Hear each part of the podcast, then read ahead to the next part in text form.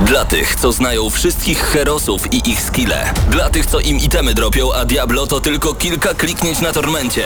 Dla tych, co ściągają heady z AWP w CS-ie. Dla wirtualnych czołgistów. Tych, co potrafią wykręcać kombosy powyżej 70% i juggle takie, że Heihachi, Kung Lao, Sagat i Goku byliby dumni. I dla tych, którzy nie mają pojęcia o czym mówię, ale lubią dobrą zabawę. Dla tych, co klikają i tych, co dzierżą pada, co na klawiaturach, joystickach i innych kontrolerach grają w gry wideo. Ta audycja jest dla Ciebie.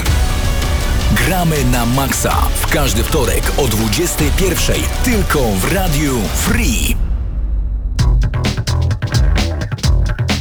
No i to jest sama prawda, panie i panowie. W Radiu Free w każdy wtorek o 21 rozpoczynamy audycję Gramy na Maxa. Jesteśmy razem z wami także na Facebooku audycji Gramy na Maxa i zachęcamy do tego, byście do nas dołączali, ponieważ dziś będziecie mogli zobaczyć w wersji wideo także to, o czym opowiadamy. Paweł Stachyra, Mateusz Zdanowicz, Eurogamer.pl. Ja nazywam się Paweł Typiak. Za sterami jest jeszcze Mateusz Filut, który dzisiaj będzie współrealizował audycję. Jest jeszcze Hubert Pomykała, który już kończy przygotowywać także ostatnie szlify nad tematem, który dzisiaj pojawi się na naszej audycji, a ponieważ Halloween już jutro, będziemy mówić o grach strasznych, takich grach, które na Halloween no po prostu ładnie wjeżdżają, prawda? Dobry wieczór panowie. Dobry, Dobry wieczór, wieczór. Tak jest. Panowie, dzisiaj będziemy także mówić o Red Dead Redemption 2. Mateusz, Troszeczkę opowiadaj. będziemy mówić, ponieważ e, dopiero jestem w drugim rozdziale tak naprawdę, chyba na 6. Okej. E, I to i to jest taka gra, którą bardzo, bardzo powoli jakby poznaję. I Smakujesz? Tak, smakuje, to jest dobre słowo. Uuu, bardzo dobrze, bardzo dobrze. No Red Dead Redemption 2 to jest gra, która opanowała social media i wszyscy musieli się pochwalić, że stać ich na grę i kupili ją sobie. Ja troszeczkę nie rozumiem tego pędu tak naprawdę. Rozumiem, że można chcieć się czymś pochwalić, ale chyba dawno nie miałem takiej rzeczy. Poza garstką ludzi, którzy zdecydowali się prosić Rockstar o wersję PC-tową. Okej, natomiast, Proszę, wujku Dwojga złego. natomiast rzeczywiście dawno nie miałem takiej rzeczy, że tak się bardzo cieszyłem nadejściem czegoś, żeby zrobić zdjęcie i wrzucić na Facebooka. Nie wiem, co to musiałoby być. Może jak córka ci się ostatnio urodziła. No dobra, ale to nie to- gra wideo, Paweł. Ja rozumiem, ja bardzo lubię wrzucać screeny na przykład. Z, właśnie z RDR-a też już sporo wróciłem na Twittera. Bo to jest taka gra bardzo... W tej grze bardzo dzieje się takich nagłych, fajnych rzeczy, których Okej. się w ogóle nie spodziewałeś i tak, tym się można chwalić. W ogóle się prze- przekonałem po raz pierwszy, że na przykład ogień w tej grze się rozprzestrzenia jak w Zeldzie, tej Breath of the Właśnie- Wild. Ale mi to wyjął z głowy. Chciałem zapytać się ciebie, Mateuszu, czy porównałbyś troszeczkę w ogóle RDR-a do Breath of the Wild? Czy też jest tak, że olewasz na przykład główny wątek, bo zastanawiasz się, co się znajduje za kolejną skałą i czy tam będzie coś ciekawego?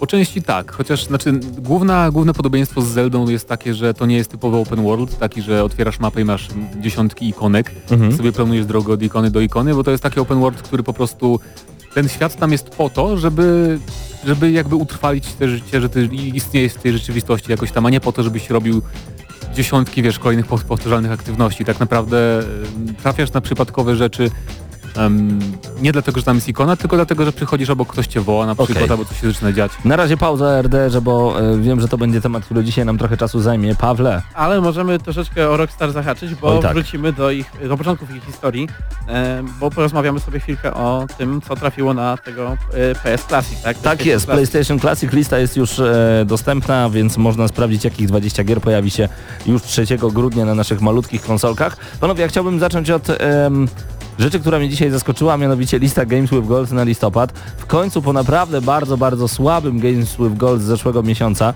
ja nawet chyba nie pobrałem jeszcze od ostatnich dwóch miesięcy Games with Gold. Po prostu to nic nie Ja było ciekawego.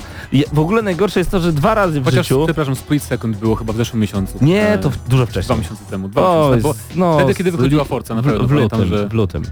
Nie. Tak.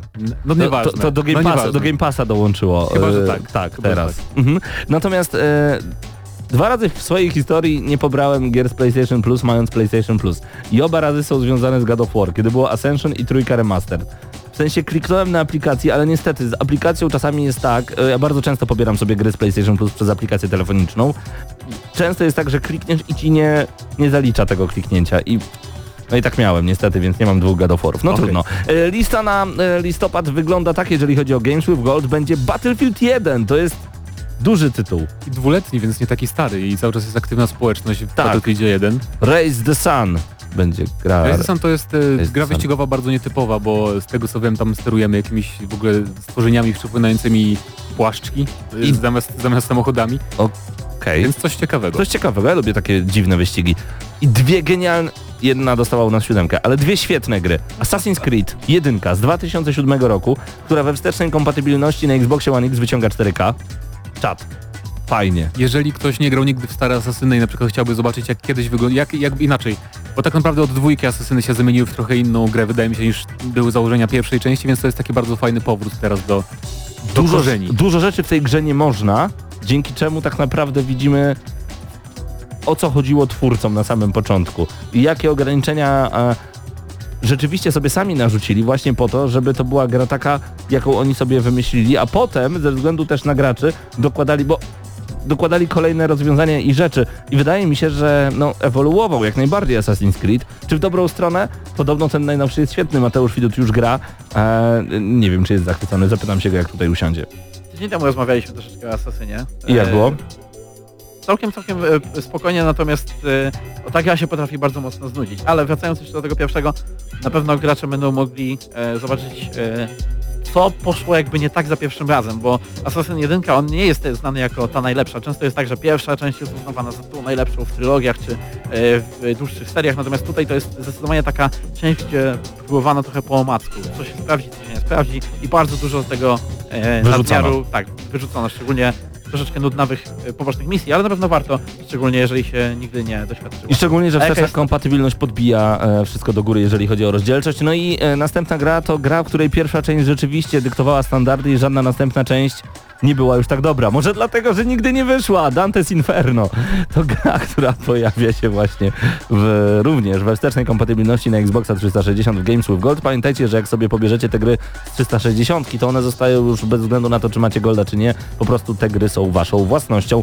Dante's Inferno to jest bardzo ciekawa gra, szczególnie sam początek pokazywał niesamowite możliwości technologiczne e, konsol poprzedniej generacji. Po prostu na przykład na nosie Beatrycze było widać takie mikrowłoski e, na jednym z filmików. Okej, to był filmik, ale w tamtych czasach nie byliśmy przygotowani na tego typu CGI, więc to fenomenalnie wygląda. No i mamy tutaj slasher, panie i panowie, w dziewięciu kręgach piekieł, który nie do końca dostarczył tego, na co czekaliśmy. Ale gra dla ludzi, których może rozczarował God of War, że zmienił formułę aż tak w znaczący sposób, bo to jest gra w stylu starych God of War'ów, Tak. więc to może was zainteresować. I o człowieku z kosą. Naprawdę przyjemnie się mi w to grało wiele, wiele lat temu. Sprawdzę, czy gra się zestarzała, bo na przykład kiedy próbowałem e, znowu przechodzić e, Castlevania Lords of Shadow, no niestety gra się zestarzała i już się nie grało mi tak dobrze. Jedynkę nie grało mi się tak dobrze jak za pierwszym razem. No niektóre gry warto tylko em, i wyłącznie raz sprawdzać. Dzisiaj recenzja gry Starlink. Moi drodzy widzowie i drodzy słuchacze. Dlatego zachęcam was do tego, byście zostali z Gramy na Maxa. Zostawiamy was na chwilę i tak naprawdę będziemy przechodzić do recenzji. A i jeszcze dzisiaj opowiemy o nowym Wiedźminie. Jak się nazywa ten Wiedźmin? Panowie, każdy z nas zapomina tego tytułu. Wojna, Wojna krwi, krwi? wiedźmińskie opowieści. I chodzi o Gwinta trochę, tak? W ogóle Gwinta nie ma w tytule, ale to nie wiem czy dobrze czy niedobrze, ale To sprytnie. niedobrze, bo ja myślałem, że to jest trzeci pełnoprawny dodatek do Wiedźmina 3. A, widzisz. Przez długi Niestety. czas, bo nie czytałem. Niestety nie. Dlatego zostańcie z Gramy na Maxa. Nadajemy dla was jak zawsze w Radiu Free na 89,9 FM prosto z Lublina. Słuchacie jedynej prawilnej audycji o grach w Lublinie. No i oglądacie nas także na Gramy na Maxa. E, Tam jesteśmy na Facebooku. Wracamy do was za chwilę.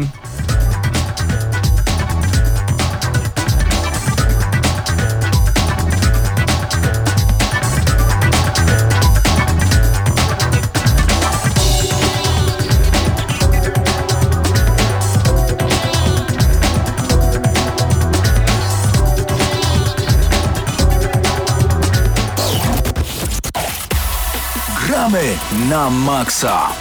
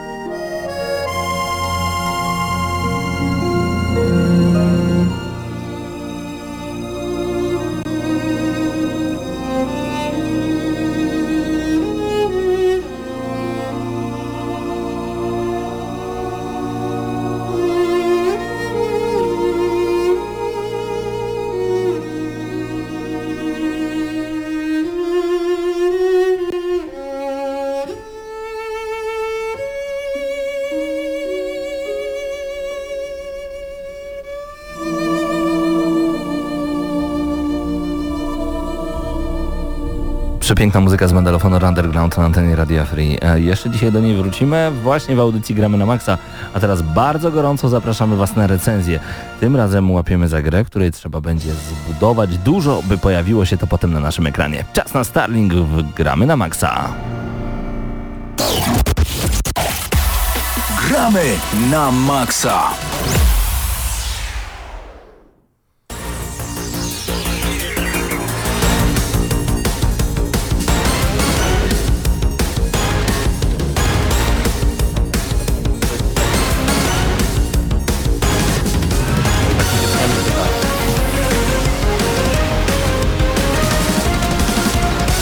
Tym razem Gramy na Maxa łapiemy za zupełnie nowy tytuł od Ubisoftu. Tytuł, który tak naprawdę teoretycznie powinien zrewolucjonizować bardzo dużo, ale praktycznie czy to zrobi dowiemy się tylko i wyłącznie w momencie, w którym e, wszyscy będą kupować te wszystkie zabawki związane właśnie z marką Starlink, bo Ubisoft wymyślił sobie, że stworzy zupełnie nową grę, trochę takie No Man's Sky, czyli będziemy mieli e, eksplorację kosmosu i latanie samolotami, trochę takie Skylandersy, czyli będziemy mieli różnego rodzaju figurki, które warto być może dokupić i o tym właśnie z Mateuszem Fidutem porozmawiamy dzisiaj, opowiadając o Starlink Battle for Atlas. E, To jest gra, która pojawiła się 16 października, czyli całkiem niedawno, e, na Xboxie One, PlayStation 4 i Nintendo Switch. Nie pojawiła się ani na PC, ani w sumie żadnych innych konsol nie mamy. E, W tamtym tygodniu opowiadałem o swoich wrażeniach, jakby wiele się nie zmieniło od tego, raczej podtrzymuję swoje zdanie, ale tutaj bardziej w jakiś taki skondensowany sposób i całościowy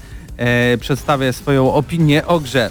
E, tak jak wspomniałeś, wizualnie to jest, e, można powiedzieć, właśnie takie No Man's Sky, tym bardziej styl graficzny, to, że poruszamy się po planetach statkami, jest to przy, płynne przejście z kosmosu przez atmosferę e, na, na te różne planety. Pierwszy, pi, pierwszy rzut oka wskazuje, że to jest No Man's Sky, e, jednak e, dużo różni te gry, bo jednak No Man's Sky to jest taki losowo generowany wszechświat, a tutaj jednak mamy e, te określone kilka planet, które odwiedzimy, które się nie zmieniają, które są takie same, ale przede wszystkim mamy kampanię fabularną,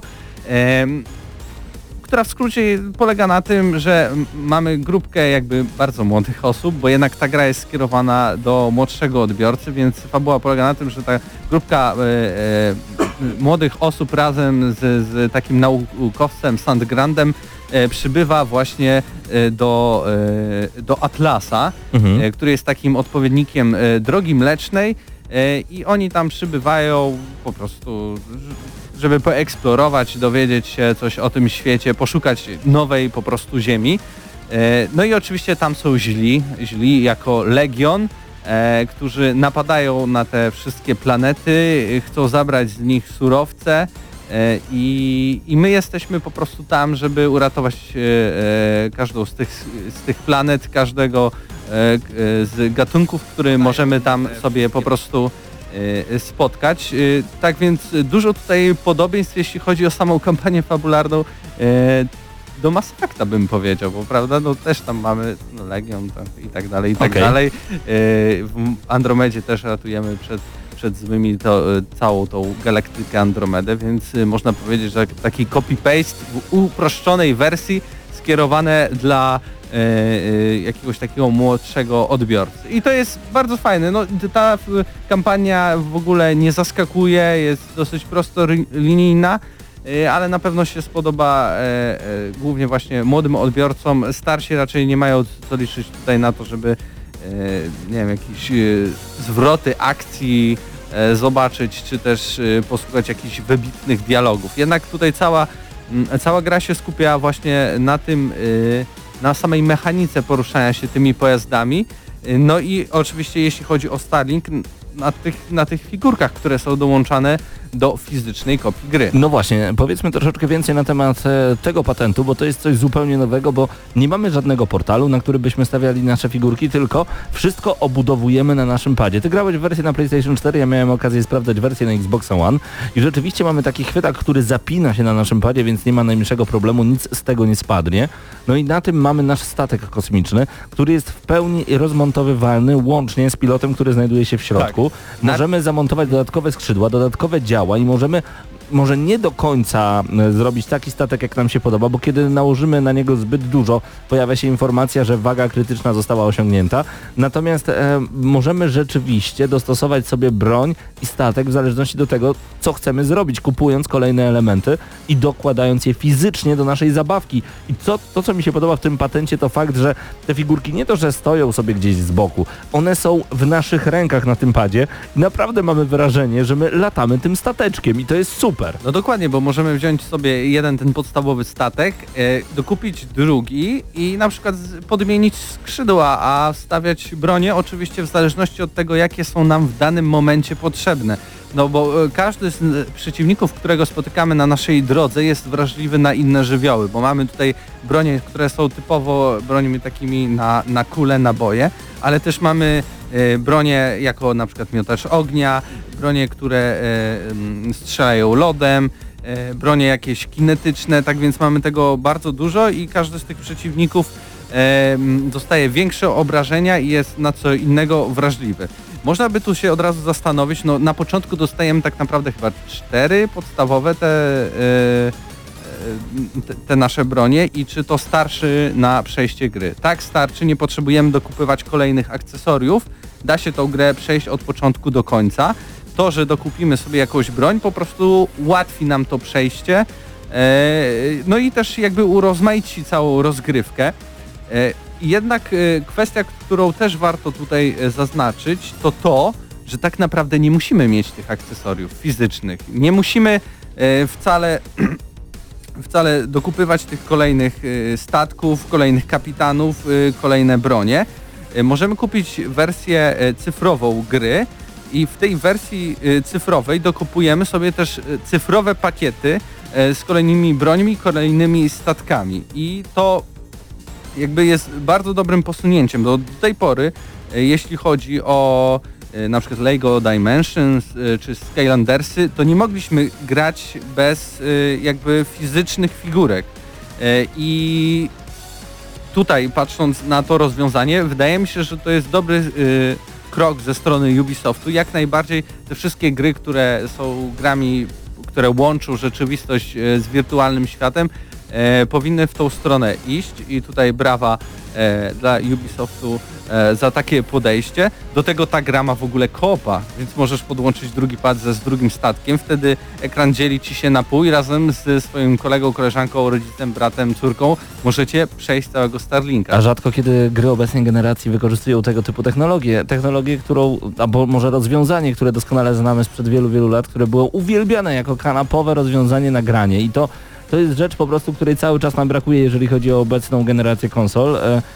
I za to też lubię tego Starlinka, powiem szczerze, że w dwie osoby możemy sobie spokojnie pograć na jednej kanapie.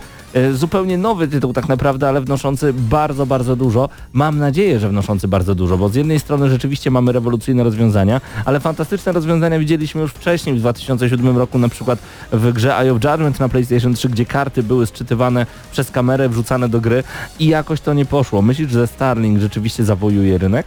Nie wiem, bo to jest też taki bardzo trudny jakby segment rynku. To naprawdę trzeba się postarać, żeby ludzi zachęcić do tego, e, żeby kupowali kolejne akcesoria. E, Ale nadal to się łączy z tym, że nie musimy tego robić. Możemy po prostu kupić swoje akcesoria w sklepie cyfrowym i to też jest taki, taka kwestia dosyć kontrowersyjna, bo fizycznie na przykład zestaw statek z, z i tak dalej kosztuje ponad 100 zł, prawda?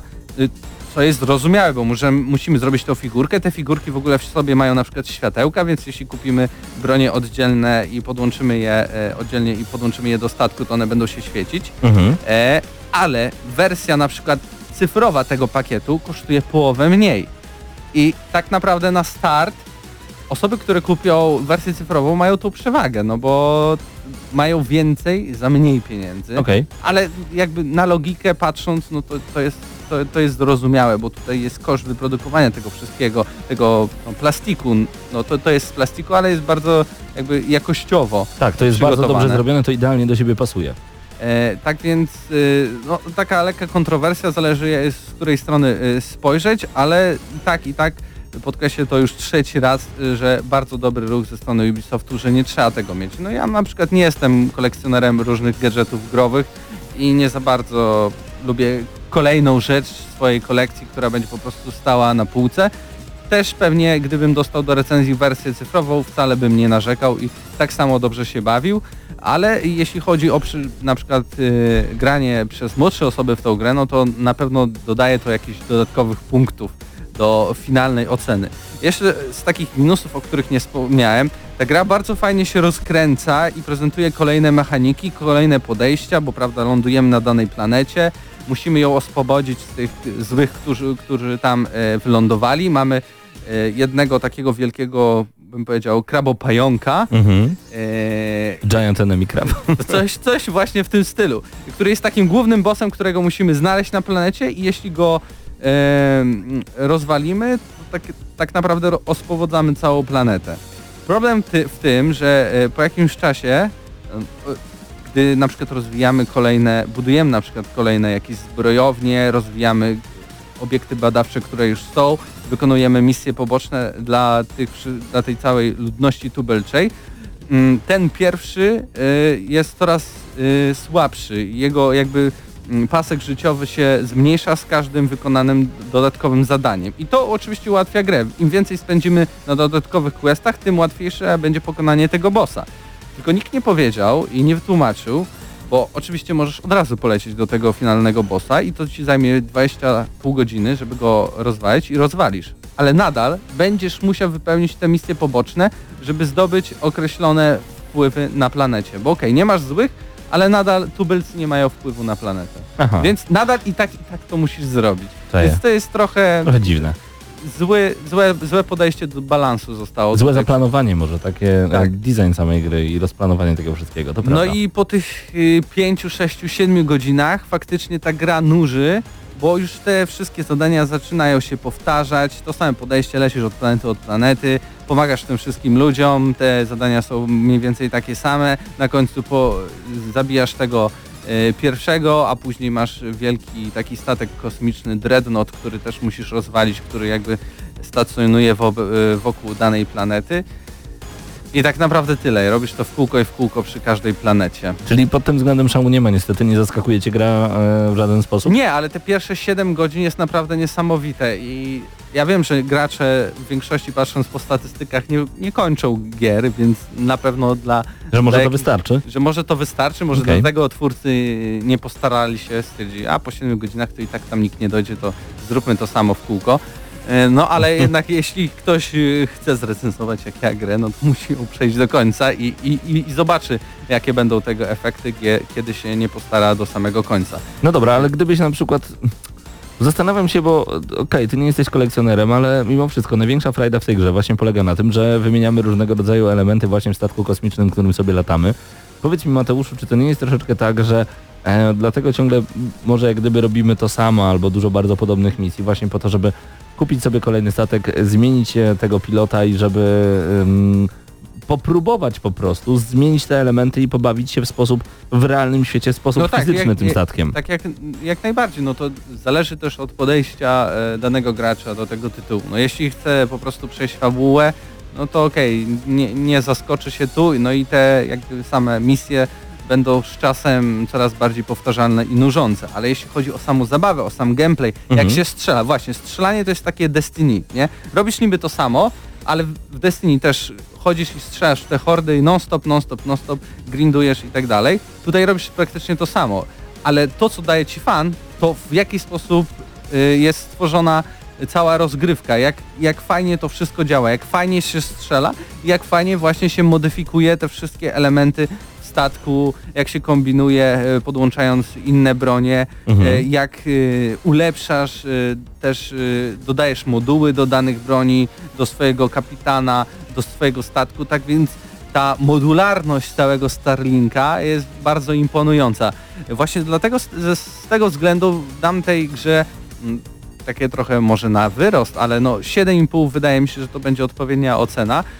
Tym bardziej, że widać, że jest tu potencjał na to, żeby po prostu stworzyć kolejnego Starlinka 2 albo po prostu rozwijać tą grę fabularnie w dodatkach jakichś cyfrowych.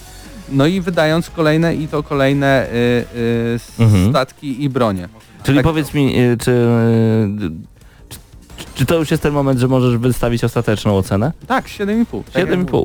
7,5. Okej. Y, A jeżeli chodzi o same statki, one nie podbiją w ogóle tej oceny według ciebie? Bo o, Wydaje mi się, że podbiły o te dwa oczka. aż o dwa oczka. Czyli sama gra zasługuje na jakieś 5,5, ale statki robią swoje. Statki jak najbardziej robią swoje i, i, i osoby, które lubią kolekcjonować tego typu rzeczy na pewno się nie zawiodą, bo to nie jest jakiś taki tania chińszczyzna, nie? Jeśli to już jest zrobione, to jest to zrobione dosyć porządnie. Znaczy wydaje mi się, że to nie będzie kwestia kolekcjonerska, a bardziej kwestia em, po prostu zabawek dla najmłodszych. Bo kiedy ja e, brałem udział w Akademii Ubisoftu związanej właśnie ze Starlinkiem, widziałem dzieciaki, które zachwycają się zabawkami i niektóre e, mnóstwo czasu spędziły nad tym, że stworzyły stwu- swój własny statek i sprawdziły, czy on się pojawi w grze.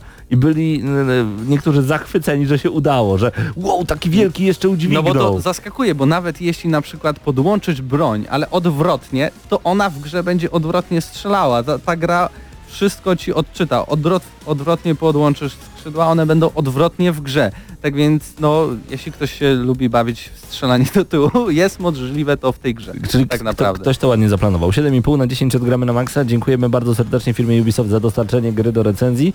E, Komu poleciłbyś najbardziej tę grę? Osobom w naszym wieku, czyli 33-24 lata, taki przedział, czy Nie no, wydaje mi się, że to jest i, i, idealna gra dla dzieciaków i dla no, na przykład twoje córki trochę podrosną. Wydaje mi się, że to będzie świetna gra, żebyście razem spędzili czas, y, podłączając dwa pady, mając dwa statki, razem bawiąc się i przychodząc y, całą kampanię fabularną. to może być dobry pomysł. To może być Bardzo dobry pomysł. dobry 7,5 na 10 raz jeszcze e, to właśnie był Starlink Battle for Atlas. Spróbujcie, to może wam się spodobać szczególnie waszym dzieciakom. Mamy już za chwilę w audycji Gramy na Maxa wrócimy, przejdziemy do kolejnej recenzji, a także opowiemy wam troszeczkę o klasykach PlayStation.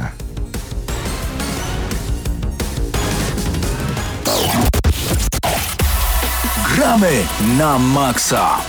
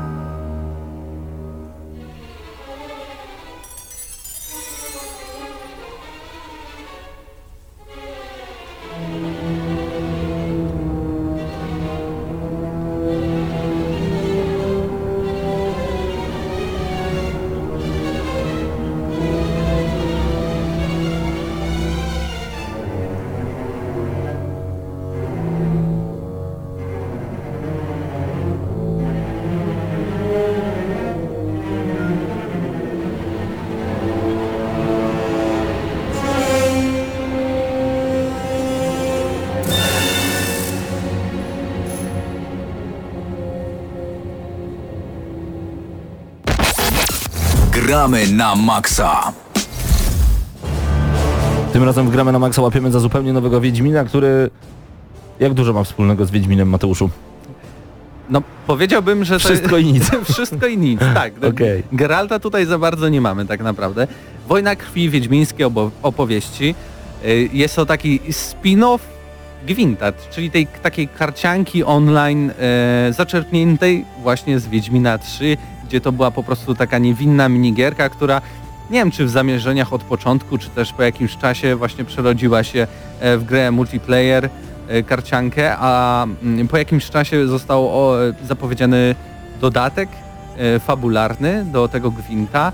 E, Było wiele jakby podejść do tego, jak zrealizować ten dodatek. E, Ja widziałem podejść, chyba ze dwa różne podejścia jeszcze Mhm. na, na zamkniętych pokazach na Gamescomie, ale finalnie stanęło na tym, e, czym właśnie jest Wojna Krwi Wiedźmińskie Opowieści. Gra pojawiła się e, 23 października Dopiero co? dopiero co na e, komputerach osobistych, ale także pojawi się e, w grudniu, 4 grudnia na Xboxie One i na PlayStation 4, więc osoby, które nie bardzo lubią klikać na komputerze, takie jak Paweł Typiak, Mhm. będą miały okazję e, pograć e, w Wiedźmińskie opowieści e, już za całkiem niedługo. Gra jest oczywiście w pełnej polskiej wersji językowej i może zaczniemy od tego, no bo jako dodatek fabularny y, jednak najważniejsza jest tutaj fabuła, rozgrywka też, ale fabuła jest takim wyznacznikiem. E, początkowo, na przykład w tamtym tygodniu, gdzie, gdzie opowiadałem o swoich y, pierwszych wrażeniach, e, to powiedziałem, że po jakimś czasie strasznie nużące i trochę takie płytkie robią się te dialogi, mm, ale zmieniłem do tego podejście, bo zrozumiałem, że Wiedźmińskie opowieści to jest tak naprawdę jak czytanie prozy Sapkowskiego. To jest dosłownie gra audiobook. Tam masz narratora, tam masz te wszystkie mm, y, jakby linie dialogowe, które w pewnych momentach są po prostu czytane jak audiobook. Wokół masz y, to wszystko, co, co w takim mm, wydaniu audio, czyli tam stukot y, końskich kopyt, masz tam słychać last, y, okrzyki wojny i tak dalej, i tak dalej. Jest to naprawdę niesamowicie zrobione. Wręcz y, kiedyś dużo słuchałem audiobooków i to jest ten poziom, bym powiedział, taki mega światowy. Wow. Czyli chodzi tak naprawdę o to we Wojnie Krwi Wiedźmińskiej, w Wiedźmińskich opowieściach, żeby wejść z powrotem do świata Wiedźmina? Tak, i bym powiedział, że Wiedźmińskie opowieści to jest bardziej taki Wiedźmin e, jak z opowieści Sapkowskiego niż Wiedźmin y, znany z gier wideo. Tutaj jest dużo przywiązania do detali, do opowieści, tego jak wygląda to wszystko, no bo też jakby to łączy się z samym tym, jak ta rozgrywka wygląda, bo tutaj na przykład y, dialogi czy tam cutscenki nie są jakoś animowane, mamy po prostu obraz dwóch osób, które rozmawiają Jak w I pojawiają- Calibur 6. i pojawiają się nam e, dialogi. Oczywiście, jako że to Wiedźmin, to też mamy dialogi, e, w których e, mamy różne opcje do wybrania i oczywiście też opcje ważą na tym, co może się zdarzyć potem. E, w Wojnie Krwi niestety, albo stety, to nie są takie decyzje, które rzeczywiście wpływają jakoś na całą kampanię fabularną. Bym powiedział, że jakimś takim marginalnym stopniu lub w ogóle niewiele zmieniają, ale jakby ten taki ilu, iluzoryczność y, y, konsekwencji tych decyzji jest zachowana, więc jakby fani Wiedźmina mogą się nadal cieszyć, że coś takiego jest, ale jakby po takim większym odstępie, po, po, po dłuższym czasie dopiero y, pojawiają się te konsekwencje, głównie tylko po prostu w samych dialogach, nic jakby w kwestii rozgrywki się e, za bardzo nie zmienia. Y, Jeśli chodzi też o samą fabułę, no to tutaj e, wcielamy się w księżniczkę Mewę, e, księżniczkę, która włada Rivią i Lyrią e, i oczywiście na te krainy napada Nilfgaard i naszym zadaniem jest obronić e, e, na, nasze królestwo e, przy, przy, od wojsk Nilfgaardu, plus poszukać oczywiście sojuszów, które mogą nam pomóc w tym, żeby jakby to efektywnie rozegrać. Jeśli chodzi o samą jakby rozgrywkę stricte, no to oczywiście jest to gwint, czyli to jest, są potyczki karciane, które można podzielić na e, jakby trzy części. Pierwsza część to jest taka klasyczna rozgrywka gwintowa, czyli mamy tam trzy tury, rozkładamy tą naszą talię i chodzi o to, żeby w każdej turze, a, znaczy w, w dwóch turach, no bo Mhm. e, jeśli w dwóch wygramy, trzecia nie jest potrzebna, yy, po prostu wygrać jak najwie- pozost- mając jak najwięcej punktów w danej turze. Mm, ale to jakby było dosyć nudne jak na 20, nawet 30 godzin rozgrywki, bo tyle nam Wow. zapewnia, e, zapewniają wojny To krwi. bardzo dużo. Tak więc mamy jeszcze te jakby dwie wariacje na temat e, rozgrywki gwintowej. Y, Mamy e, pierwszą wariację, m, czyli puzzle tak zwane. E, Mamy tutaj takie rozgrywki, w których mamy z góry narzuconą talię kart. Nie tą, którą my rozwijamy u siebie, e, tylko mamy 3-4 karty i mamy za zadanie, żeby coś konkretnego zrobić e, w ramach tej potyczki. Super, lubię takie mamy określi- określoną liczbę ruchów. E, Jest to bardzo ciekawie rozwiązane, rozwiązane.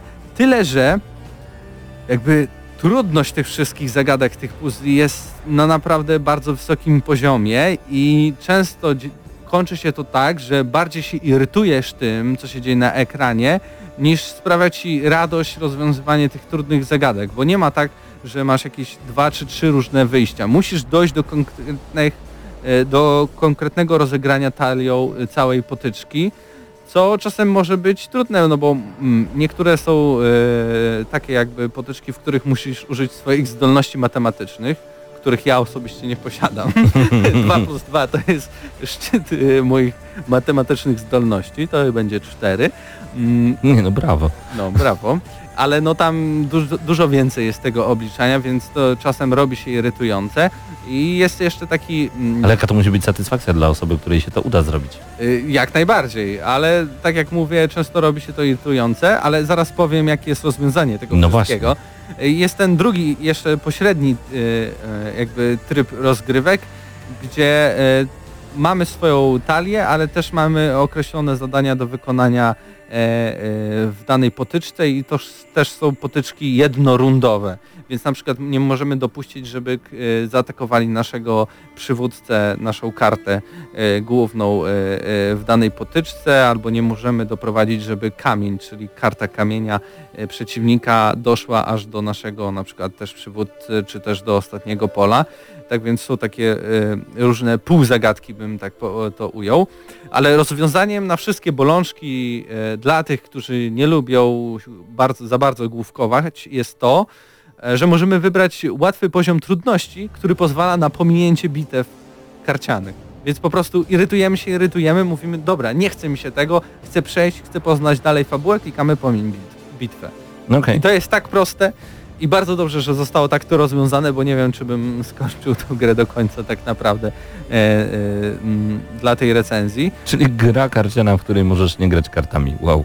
Tak, ale masz tą fabułę, która jest bardzo wiedźminowska i dla każdego fana gry, każdego fana y, prozy Stapkowskiego jest no jakby spełnieniem marzeń. Wydaje mi się, że osoby, które em, nie do końca jakby podobało im się to, jak fabuła była rozegrana w grach Wiedźmina, albo jak bardzo to było jednak nastawione na akcję niż na samą historię, no to tutaj y, będą czuć się e, usatysfakcjonowani.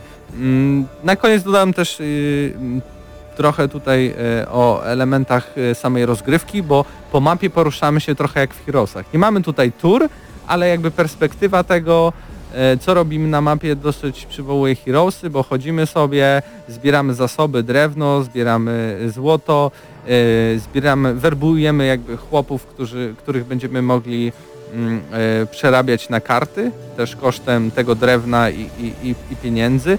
Mamy też swój obóz, który rozwijamy, w którym możemy ulepszać te karty, możemy budować karty, a także mamy tam karczmę, e, w której spotykamy się z naszymi towarzyszami całej rozgrywki, których spotykamy e, z tokiem fabuły i tam możemy zagłębić się w ich historię, skąd są, jakie mają problemy. Takie bardzo przyjemne e, karczmowe e, pogadanki, bym tak to ujął. E, Mnie osobiście aż tak e, Wojna Krwi Wiedźmińskiej o opowieści nie urzekł, żebym, tak jak wszyscy recenzenci, wręcz e, w Polsce to jest 10 na 10 minimum. Nie widziałem, żeby ktoś w ogóle e, jakiś minus dał e, do, do, do Aż tej tak? gry. Na zachodzie różnie to bywa, ale raczej też, jeśli chodzi o główne media, przeważają same recenzje pozytywne, które skupiają się na superlatywach. Jednak ja bym zaznaczył, ta gra jest jednak trochę rozwleczona. Ta gra nie zawsze ma te mm, dialogi i tą opowieść y, całkiem sprawnie i na poziomie mm, napisaną. E, I te zagadki e, puzzlowe, te potyczki puzzlowe nie do końca czasem mają sens, plus sam balans gry, bo pierwsza mapa jest y, bardzo trudna, ale gdy już zdobędziemy dużo potężnych kart, nagle okazuje się, że idąc dalej z fabułą, ta rozgrywka staje się coraz łatwiejsza, ale to powinno chyba raczej działać trochę w inną stronę, prawda? Na początku powinno nam się grać łatwiej i z biegiem czasu coraz trudniej, coraz trudniej, coraz trudniej. Więc y, przede wszystkim balans y, całej rozgrywki y, w Wojnach Krwi, y, dosyć y, rozwlec, rozleczona y, fabuła, historia, no i często bym powiedział nie do końca na poziomie y, napisane dialogi i, i, i, same na przykład poboczne jakieś y, historie, no to są takie trzy minusy, na których bym się y, skupił i które bym rzeczywiście zaznaczył. No to ocena, panie Mateuszu, bo wydaje mi się, du dużo już się nasłuchałem i sam do końca nie wiem, jaką ocenę chcę wystawić. 8,5 na 10. Pięknie i tak wysoko. Tak, no to, to są takie rzeczy, no to które można uznać też za, za plusy i za minusy, bo jak ktoś komuś powiem, że jest rozleczona bardzo długa fabuła, No to powiem, To wow, super, powie- będę się dłużej tym super, bawił. bo, bo jestem super fanem Wiedźmina, chciałbym spędzić w tym świecie jak najdłużej, to dla niego może być Plus. e, e, No plus ale dla mnie to jakby trochę, trochę za długo jednak ta gra trwała. Wojna krwi, wiedźmińskie opowieści gramy na maksa. Przypomnijmy, że na Xbox One gra pojawi się 4 grudnia. Teraz wersja PC-towa jest już dostępna od tygodnia 23 października 2018 roku. 8,5 na 10. Tak. Naprawdę bardzo, dziękujemy bardzo wysoko. e, CD Projekt Red za dostarczenie kopii do recenzji.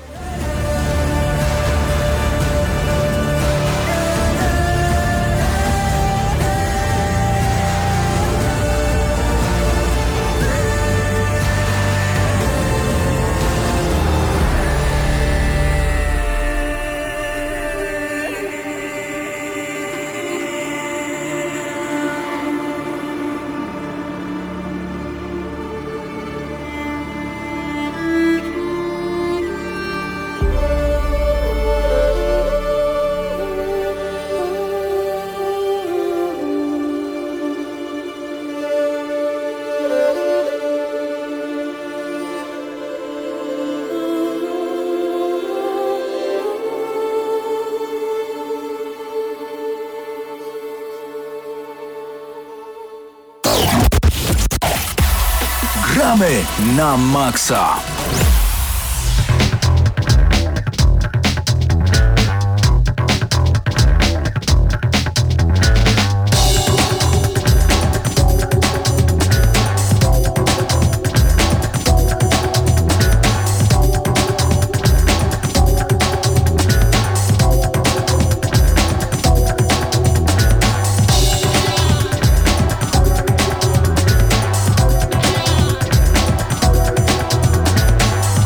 Już w tym momencie wracamy do audycji Gramy na maksa. Razem ze mną Hubert Pomykała i Mateusz Zanowicz.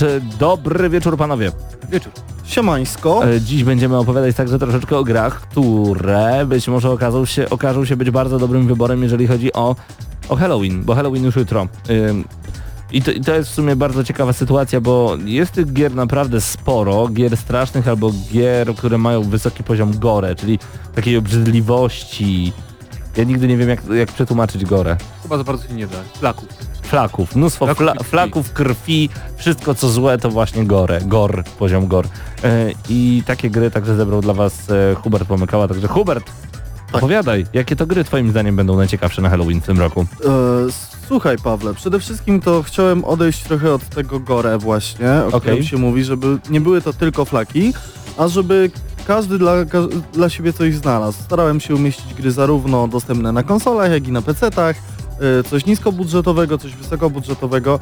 I zacznijmy może od Until Dawn. To jest e, ekskluzywna gra na PlayStation 4, horror, e, gra przygodowa, opowiadająca o takiej typowej sytuacji z filmów klasy B, tak zwanych slasherów, czyli szóstka nastolatków znalazła się zimą górskim domku, no i nagle coś tam się pojawia, jakieś niewyjaśnione okoliczności, ktoś tam e, ucieka, ktoś tam ginie, nie wiadomo co nie, się nie dzieje. wiemy, czy sobie ktoś robi żarty, czy rzeczywiście Tak. to się dzieje Czy, naprawdę. i jest, czy, czy tak jest naprawdę w rzeczywistości? Klimat jest dosyć dziwny. E, Klimat jest dosyć dziwny, natomiast warto przyznać, że tam była wykorzystana e, technologia e, po, pozwalająca na to, że prawdziwi aktorzy grają w tej grze. Na przykład Rami Malek To jest aktor, który gra główną rolę w serialu Mr. Robot. Tam gra Josha, jednego z głównych bohaterów.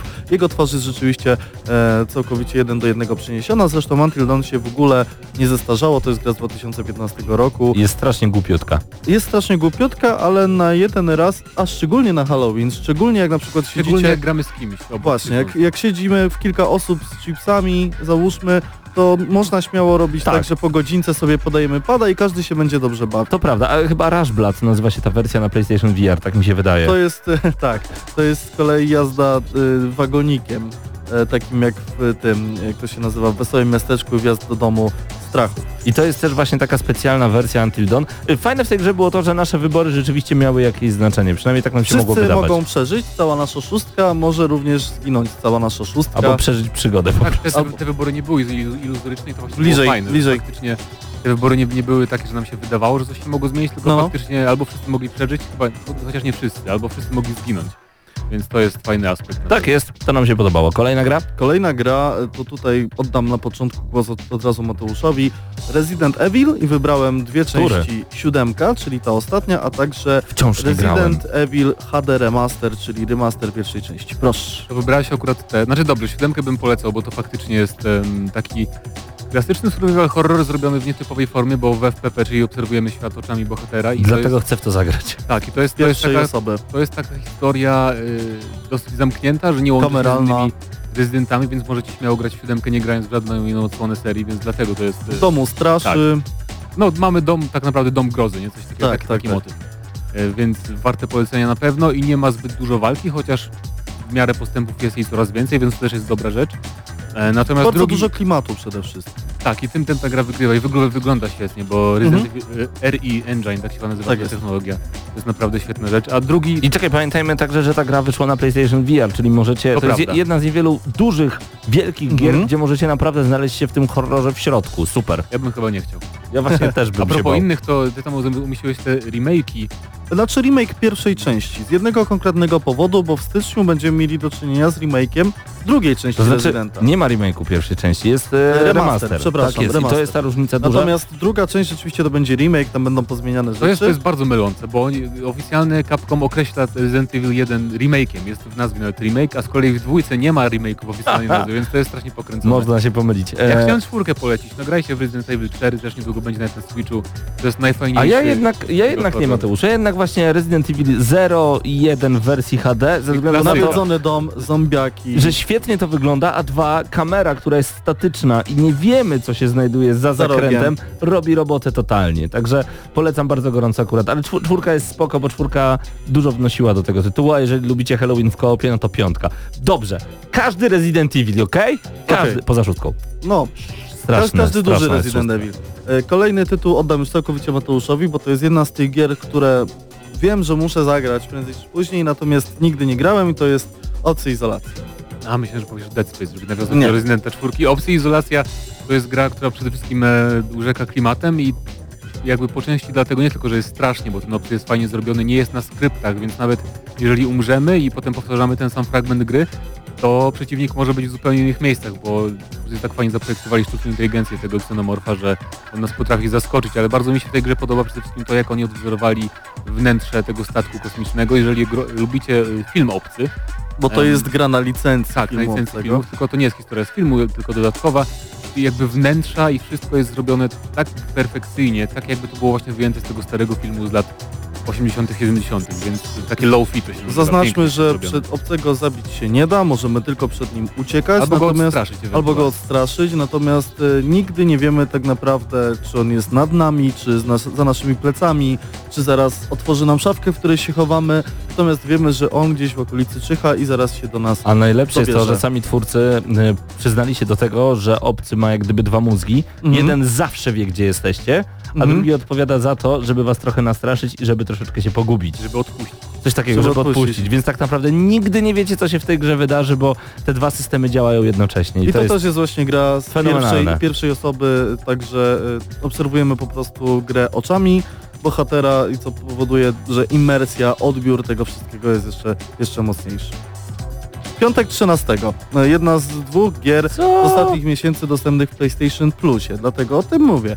Piątek 13. To było, tak, w zeszłym Tak, miesiącu. gra pozwalająca na wcielenie się w Jasona Voorheesa, czyli głównego złego e, antagonistę e, serii Piątek 13, to jest ten morderca w masce hokejowej z maczetą i proste założenie, albo sterujemy Jasonem, albo jedną z czterech osób, albo jedną z czterech osób, które ma się po prostu przed nim, e, ma przed nim uciec i możemy się oczywiście kitrać po kątach, uciekać, biec, natomiast To Jason jest? jest bezlitosny. Je- To jest taka hardkorowa gra w kotka i myszkę, ale okej. trochę. I to jest bardzo fajnie, kiedy grasz z ludźmi, którzy ogarniają i używają Mhm. voice chatu, bo można się dogadywać, jak odwrócić uwagę Jasona, jak tam włączyć na przykład, trzeba na przykład zdobyć paliwo do samochodu, samochodu jeżeli chcemy uciec, albo, albo kluczyki do łodzi motorowej. Ej, i to, tak to jest takie wejście do filmu tak naprawdę. E, Można tak powiedzieć, to jest na pewno bardzo fajne dla fanów tych film, tej serii filmów, Mhm. bo mamy różne skórki Jasona ze wszystkich możliwych wersji, wersji tej postaci. I na dodatek istniała. Jason sam różni się, e, każda skórka, czyli każdy kostium Jasona różni się jakimiś umiejętnościami, także za każdym Nice. razem rozgrywka nawet e, seryjnym mordercą może się różnić. A propos gore, to ilość egzekucji dostępnych w tej grze jest chyba... Nawet Tak. nie da się ich zliczyć. Możemy, nie nie możemy nawet powiedzieć na audycji, co Znaczy, można możemy zrobić. powiedzieć, że jest klasyczne wykończenie na śpiwór. E, tak, Śpiwór i drzewo. Klasyczne wykończenie na śpiwór i drzewo z filmu oczywiście jest. A skoro już powiedziałem o jednej grze z PS Plusa, to jeszcze miesiąc przed piątkiem 13 była gra o nazwie Dead by Daylight, która opiera się dokładnie na tym samym schemacie, ale zaznaczam e, temat dlatego, że jak mamy w piątku 13 Jasona, tak w Dead by Daylight możemy zagrać Michaelem Myersem z filmu Halloween, co jest inną postacią legendarną ze slasherów, z horrorów. Także Raz na premierę nowego. Nikt z nas generalnie tej gry by nie kupił, ani jednej, ani drugiej, ale z racji tego, że dostaliśmy ją w Znaczy nie, pakiecie... piątek 13 moim zdaniem jest lepszy z tych dwóch gier Jest, i tak. Dead by Daylight jest trochę takie, mam wrażenie dokończonego mechanicznie sprawy, więc polecam piątek bardziej. Ja się zastanawiam, dlaczego No, w żadnym z filmów nikomu nie przyszło do głowy na to, żeby odciąć mu ręce i nogi. Jakby się nie mógł ruszać, to co by zrobił? Leżałby Czy to już. takie proste? No, Chyba nie, chyba nie, znaczy nie próbowałem, to nie wiem, ale myślę, myślę, że Michael Myers ma nóż, więc po proste. Powinno być how it should have ended. Halo Właśnie producenci? W ten sposób, od- odetnijcie mu ręce i nogi. Koniec. E, Jeżeli lubicie duży poziom gore, ja tylko dodam od siebie jedną Mhm. grę, Clive Barker z Jericho. To nie U, jest nowa klasyk, gra, Klasyk. ale to jest na tyle... e, To jest obrzydliwa gra. O, gore to jest obrzydlistwo. dobre, dobre słowo. To jest Tak. obrzydliwa gra, bo kiedy e, jesteście w kale po kolana i pół pourywane ciała wiszą z krzyży i chcą was zaatakować, a to jest shooter pierwszoosobowy, ale Clive'a Barkera proza jest właśnie tego typu, więc nie powinno to nikogo zdziwić. To jest obrzydliwa gra, raz jeszcze podkreślam. Jednak to jest na tyle ciekawie zrobiona gra, że po wymaksowaniu e, na Xboxa 360, bo to z poprzedniej generacji tytuł 1000 na 1000, kupiłem wersję na PlayStation 3, która okazała się nie mieć trofeów. Teraz polska produkcja, domyślasz się jak. Layers of Fear. Layers Też okazjonalnie, bo zapowiedziano dwójkę niedawno, więc można powiedzieć Layers of Fear. Bardzo fajna atmosfera przede wszystkim i bardzo fajny pomysł na grę, bo tak naprawdę gramy malarzem, który stara się odtworzyć swój y, najlepszy największe obraz, dzieło. tak największe Mhm. dzieło. I faktycznie to dzieło tworzymy i dowiadujemy się z biegiem czasu, że to jest dosyć makabryczne dzieło, ale nie będę tu spoilować. e, twórcy Nie mów bardzo, Bardzo fajnie twórcy zagrali takim motywem e, psychodelicznych, surrealistycznych totalnie scen i tu nie ma praktycznie, to nie będzie chyba spoiler, jak powiem, że tu nie ma za bardzo walki. Ja nie jest słyszałem, tam- że narracja w tej grze jest po tak, prostu to jest gra o narracji. niesamowita. Że jest niesamowita i że każdy musi w to zagrać. Nie zagrałem jeszcze. I ta gra czeka na kupce wstydu mojej, ale rzeczywiście, No to tak. chyba Bluebird Team krakowski Tak jest, zrobił. Tak jest. I to jest gra na Halloween z jednego jeszcze dodatkowego powodu, to jest gra krótka, 5-6 godzin, więc akurat osiądziecie o 18 i o północy tam możecie, wiadomo, czy tam dziady, czy, czy co kto lubi, celebrować, O, obejrzeć, obejrzeć. poczytać, tak. Soma, to jest y, gra przygodowa, która miała premierę na PC, tak na konsolach też? Też na konsolach. Też.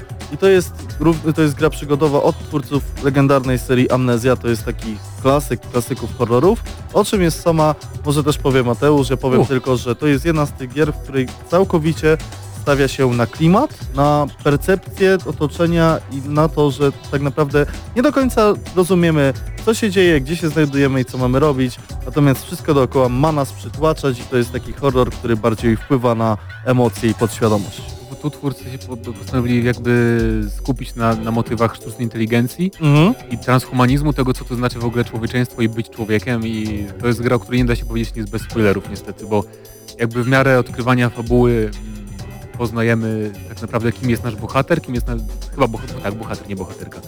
E, I po prostu nawet, no i jeżeli chodzi o rozgrywkę, to jest bardzo klimatyczny taki horror też, w którym nie ma zbyt dużo walki, musimy przede wszystkim unikać przeciwników, coś nie wszystkim musi się podobać, bo nie możemy tak naprawdę pokonać tych wrogów, którzy mogą nas irytować, że nie możemy obok nich przejść, ale pod względem atmosfery historii, szczególnie zakończenia, e, to jest gra, która wywiera naprawdę strasznie mocne wrażenie, takie i zmusza do myślenia tak naprawdę nad, nad człowieczeństwem. Trochę tu dono, donośnie to brzmi, ale naprawdę twórcom się to udało Mhm. i klimacik nawet taki troszkę bajoszokowy, tylko o wiele, o wiele bardziej mroczny. Więc Zresztą e, samo zaangażowanie Kasi Kowalskiej do stworzenia piosenki właśnie do tej gry, pamiętam, że ona śpiewała A to sama... wiedziałem, że to zrobić. Przepraszam, musiałem, musiałem, musiałem zniszczyć ten A. klimat.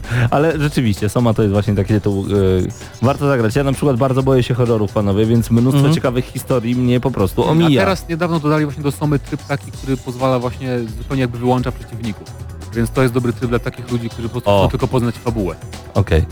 Co? Mi, minus harta tak po prostu. Skoro mieliśmy do czynienia przed chwilą z czymś powolnym i bardziej dostojnym, to teraz przejdźmy w akcję, bo to nie musi być horror w założeniu, że ma nas straszyć. Horror jako gatunek, powiedzmy w prozie, nie wiem, chociażby prozie Lovecrafta, to jest bardziej klimat, wykreowanie czegoś surrealistycznego, no i oczywiście odrobina strachu. Więc jak powiedziałem Howard Phillips Lovecraft, to automatycznie do głowy przychodzi Bloodborne, czyli jeden z najważniejszych ekskluzywów na PlayStation 4. Bloodborne gra, której można podskoczyć, ale to nie jest clue całej rozgrywki. Więcej coś dodasz? Można skakać w Bloodborne?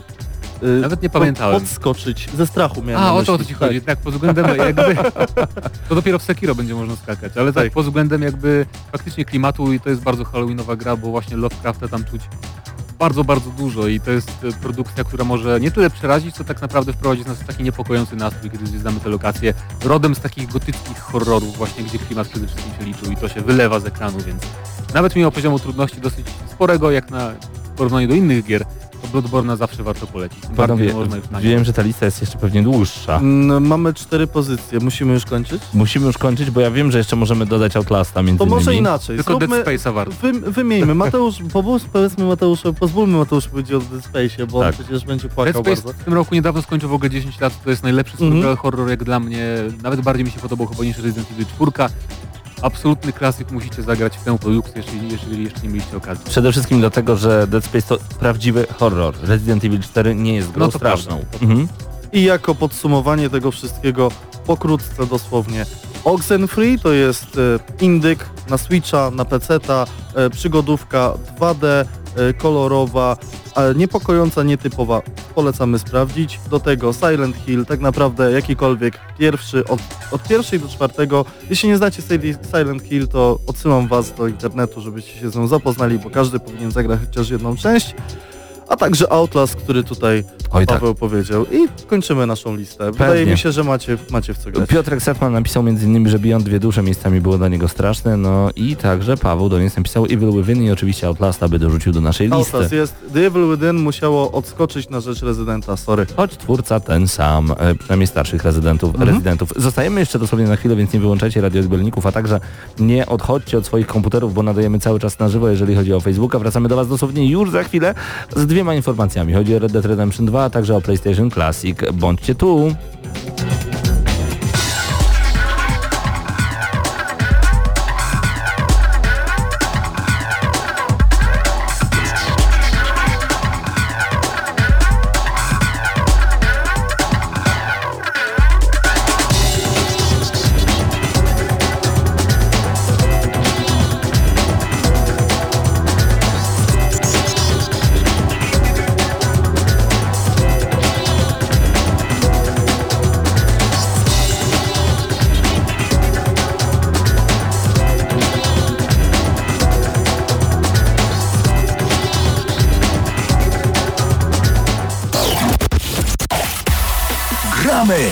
Na maksa.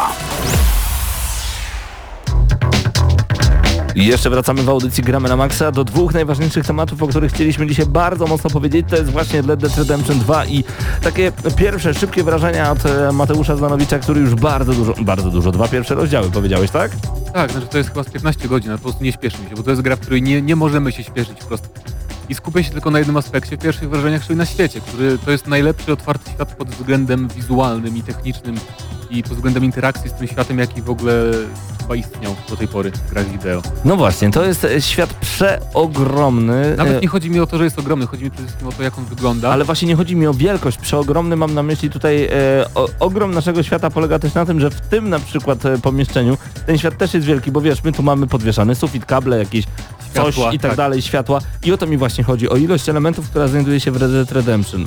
Powalające. RDR 2 mi uświadomiło po prostu w pewnym momencie, że ta gra wygląda tak pięknie momentami, e, że się dziwiłem, myślałem, że mam coś nie tak z monitorem, a przecież zorientowałem się chwila, przy takiej pogodzie tak naprawdę powinno to wyglądać w prawdziwym świecie i faktycznie e, nie, nieboskłon cały i w noc i w dzień i jak, jak chmury wyglądają w tej grze, czy w zależności- od pogody w ogóle burza w tej grze powstaje w tak fascynujący sposób, że faktycznie powoli zbiera się coraz większy wietrzyk powoli mamy coraz ciemniejsze niebo, chmury widzimy jak napływają faktycznie takie typowo burzowe i dopiero zaczyna padać lekki deszczyk, potem coraz większy i to wszystko buduje takie poczucie uczestnictwa w tym świecie, że faktycznie jestem w prawdziwym świecie, a nie w czymś wirtualnym i to jest niesamowita rzecz.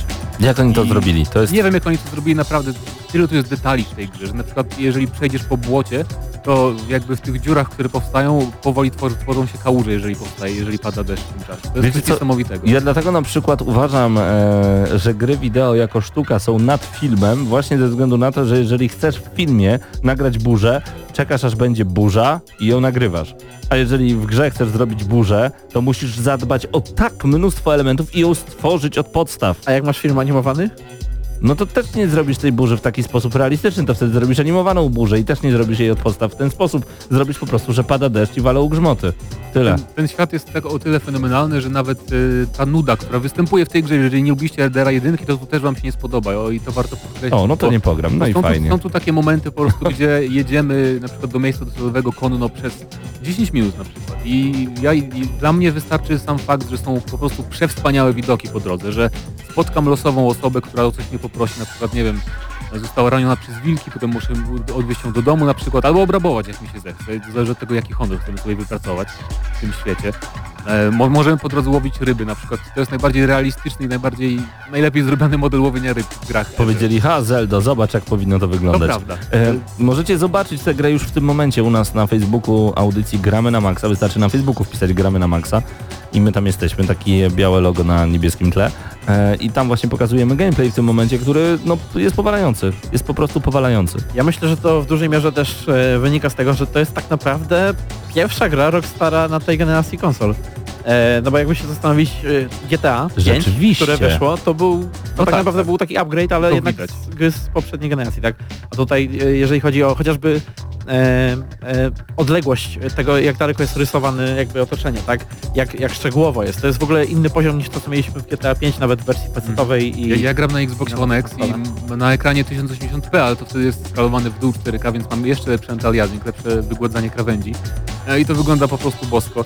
Bardzo fajne są też takie detale, na przykład, nie wiem, biegniemy sobie, to na, kabura naszego pistoletu porusza się tak, jak powinna się poruszać normalnie. Są takie małe szczególiki, które jednak tworzą ci cały ten jakby świat i tak dalej. I też chciałem powiedzieć, że postacie są najlepsze ze wszystkich gier Rockstara, bo faktycznie poświęcono Wow. czas na to, żebyśmy my poznali tych naszych kolegów i towarzyszy z gangu i nie są tylko czymś takim pobocznym, śmiesznym epizodem, jak to, To- było w niektórych grach. To musi być coś, to musi być coś. Kiedyś zapytał się mnie mój znajomy, mm, kiedy gry wideo będą wyglądały jak filmy, ja mu powiedziałem wtedy, kiedy ktoś w końcu zadba o detale, bo te detale tak naprawdę rzucają się w oczy najbardziej i brak zadbania o te detale powoduje, że gry wyglądają sztucznie, a filmy wyglądają no, jak żywy, normalny sposób. To, co tak. teraz widzicie u nas na streamie, to jest właśnie to, o czym mowa. Szczególnie, że w tej grze jeszcze możemy sobie odpalić filmową kamerę. Przytrzymujemy jeden, jeden przycisk i wtedy kamera się oddala i normalnie jak w filmie możemy sobie obserwować to, co się dzieje na ekranie, to wtedy naprawdę Fenomenalne. Fenomenalne. Red Dead Redemption 2 będziemy na pewno recenzować tę grę tak szybko jak to tylko możliwe, ale dajcie nam trochę czasu, ponapawajmy się tą e, piękną atmosferą dookoła tej gry. Szybko chcemy wam opowiedzieć o 20 grach, chociaż jesteśmy już po czasie. E, o 20 grach, bo pełna lista e, PlayStation Classic, czyli konsoli małej wersji pierwszego PlayStation, która zadebiutuje już 3 grudnia, e, została ujawniona. 20 gier zobaczymy. E, po kolei Battle Arena to Shinden, czyli drugie z mordobić, które zobaczymy właśnie na tej platformie. Y, Jednym z nich jest także Tekken 3, czyli fenomenalna gra. Battle Arena to Shinden to dobry tytuł. Ale ta konsola ma na przykład Rival Schools, które jest dużo lepsze. To prawda. Tutaj, tutaj Detora wchodzi- Life 1K. wchodzimy, wchodzimy tutaj na to terytorium, że niektórzy oczekiwali absolutnych klasyków na tej Tak. konsoli 20, a mi się w sumie podoba to, że to są też trochę gry mniej znane, dzięki czemu No może i tak. poznać tytuły, których na przykład w ogóle nigdy o nich nie słyszałem. Cool Borders 2 to naprawdę świetne podejście do ym, y, snowboardu i rzeczywiście super, że to się pojawiło. Destruction Derby. Czemu nie dwójka? A, No bardzo właśnie. Chętnie, bardzo chętnie, ale widzisz, To jest ten problem. Kwestia jest taka, że e, wielu ludzi właśnie oczekiwało the best of, e, no bo to jednak nie jest e, taka konsola powiedzmy e, na dłużej, tak? Taka poważna, że sobie ją posadzimy, będziemy nowe tytuły mieli i tak dalej. To jest taka, to jest taki eventowy właściwie sprzęt, Tak. który sobie możemy kupić i na raz i tutaj jednak mimo wszystko mm, przede wszystkim oczekiwano ekskluzywów. A Właśnie. z prostych gier to są multiplatformy. Tak, Final Fantasy VII, no wiadomo, to jest wielki tytuł, więc Który warto, warto będzie sprawdzić, ale tak, no oczywiście, że Ale na jest to... przykład Rainbow, e, Rainbow Six e, jest tam, e, który Tom był Clancy świetną grą, Rainbow ale to Six był pierwszy, wszystko, mhm. to nie jest gra kojarzona jakoś bardzo z PSX-em, to jest raczej taka multiplatforma. To prawda, ja się bardzo cieszę, że E, jest Grand Theft Auto, bo się tego w ogóle nie No spodziewałem. tak, pierwsze, pierwsze. I w, w jedynkę GTA będziecie mogli sobie pograć i to jest naprawdę...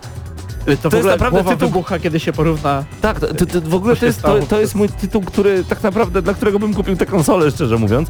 E, Intelligent Cube, nie mam pojęcia co to. Jumping Flash, o tym mówiliśmy już wcześniej. Metal Gear Solid, rzeczywiście super, to jest ten the best of. Mr. Driller, gra, która tania nie jest w obecnej chwili, ale e, też za bardzo nie wiem co to. Oddworld Ape Odyssey, można wersję zremasterowaną zagrać. Pierwszy Rayman, który tak naprawdę na PSP można było go także kupić dosyć tanio. Resident Evil Director's Cut, zamiast grać w tę wersję, kupcie wersję na DS-a, gdzie macie e, sterowanie dotykowe i wszystko się zmienia, albo odpalcie sobie remaster, który jest po prostu dużo, dużo lepszy, bo nie wyobrażam sobie przechodzenia, szczególnie jedynki Residenta, już dwójkę jakby dali. No właśnie. Albo trójkę, no aaa, Revelations Persona, to w ogóle, czy to jest ta persona, o której myślę? Tak, to jest pierwsza część persony, więc Okej, e, to, tego no to się ciekawe, to ciekawe. Ridge Racer Type 4, o tym widzieliśmy wcześniej. Super Puzzle Fighter 2 Turbo, czyli wersja Tetrisa połączona ze Street Fighterem i to jest też tytuł, który tani nie jest. Siphon Filter. E, jeżeli dobrze pamiętam, Siphon Filter miał split screen i, Biegowska strzelanka. i będziemy mogli to szpiego, ta szpiegowska strzelanka jest po prostu świetna.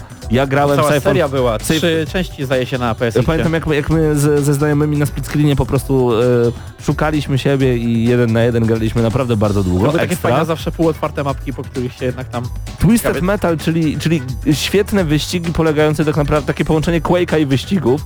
Świetne. No i Wild Arms, o czym także wcześniej mówiliśmy. No szału nie ma, ale wersja Ciekawe, japońska ma... ciekawe, japońska wersja ma chociażby Armored Core, pierwszą część. No właśnie, które- zerknijmy Pawle, co ma wersja japońska dokładnie, jakie tam są tytuły, bo między innymi poka- pojawia się e, Parasite Eve chociażby. Parasite Eve, który bardzo bym chciał, żeby był na naszej wersji. Arc de Lat to są, e, możemy kupić do, do, na PlayStation Network e, taką wersję na PlayStation 3 między innymi, ale to są RPG, JRPG, które nie pojawiły się nigdy w A Europie. przypomnij mi Final Fantasy Tactics, było na PS2 czy PSX? Chyba na PSX, Oj, nie powiem ci, nie, nie, nie. Bo to też gra, która by się fenomenalnie... Świetnie w. Europie sprawdziła, tak jest. Co jeszcze tam mamy z różnic? To są głównie japońskie gry, o których chyba nic nie wiemy. No Tak. Biohazard, Director's Cut, no to to jest No Resident tak, ale na Evil. przykład G Darius, nie mam pojęcia co to jest gra. Gradius Gaiden tak samo. Więc większość tych gier takich jest typowo raczej pod japoński rynek. Pawle, ja bym cię prosił, żebyś przeczytał po prostu tę listę, e, to będziemy wiedzieć Dobra, co my więcej. tam jeszcze mamy? Poza Arc de Lat, poza wymienionymi grami i tymi, które tam są, to jeszcze mamy no właśnie ten Gitarius, Gradius, e, Gaiden, Intelligent Cube, Jest na obu wersjach. E, Jumping Flash, Też na obu. I teraz ta piękna, O. ten piękny tytuł. Megami Ibun Roku Persona, a to też Persona. Wydaje mi się, że to jest ta sama persona, tylko inna po prostu japońska to jest jak, to jest jak. Biohazard y, i Resident Evil. No ale Saga Frontier E. na przykład się pojawia. No to jest tak, chyba tyle, jeżeli chodzi o różnicę Tak, tak, nie ma- naprawdę. To jest jeszcze Toshiden, ten... Toshiden był na... No to Battle Arena Toshinden. I Sai? Sai, to nie wiem co to jest. X i nie wiem. Faj. No właśnie, więc możecie kupić sobie dwie różne wersje konsol, konsol i mieć dwie, dwa różne zestawy gier, tak samo jak przy okazji NESa i SNESa Mini Classic. No. Spoko. Ale E, czego tam brakuje poza e, oczywistościami? No mi się, ja troszeczkę Wormsów. byłem rozczarowany. Wormsów, stary, jakby były Wormsy na to. Tym bardziej, że można grać w dwie osoby. do cztery nawet. Ja jestem bardzo rozczarowany Wormsy brakiem... możesz jednym padem Ale grać czy na, na, na PS Classic można? E, Wydaje mi się, że jednym padem się dało na, e, na PlayStation grać w, nawet na 8 graczy ustawić. Sprawdzę, mam w domu World, World Party. Że jednym padem, wiesz, przekazujesz, bo to jest graturowa, No więc... tak, też prawda. Panowie, już prawie kwadrans po godzinie 22. Powiedzmy, że to było e, gramy na maksa, pogramy na maksa i opowiedzieliśmy wam o najciekawszych rzeczach, które nas tak naprawdę fascynują. Planujemy oczywiście zrobić imprezę. Patrzę w stronę Mateusza. Na 17 e, listopada planujemy imprezę gramy na maksa.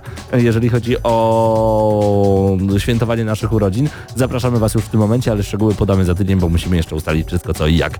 Dzięki wielkie, że byliście z nami, że oglądaliście to wszystko, co dla was dzisiaj przygotowaliśmy, a słyszymy się i widzimy się już za tydzień we wtorek o godzinie 21. Paweł Stachyra, Mateusz Zdanowicz, Mateusz Widut, Hubert Pomykała, ja nazywam się Paweł Typiak. Do zobaczenia, do usłyszenia. Miło będzie, jak zostawicie u nas jakieś łapki w górę, komentarze, to jest po prostu zawsze super, a jak będziecie udostępniać naszą transmisję na żywo, no to to już w ogóle jest mega, mega hiper ekstra, bo właśnie w tej audycji możecie zupełnie na żywo zobaczyć gameplaye i nas również i z nami porozmawiać. Trzymajcie się, życzymy wam najlepszej możliwej nocy. Hej!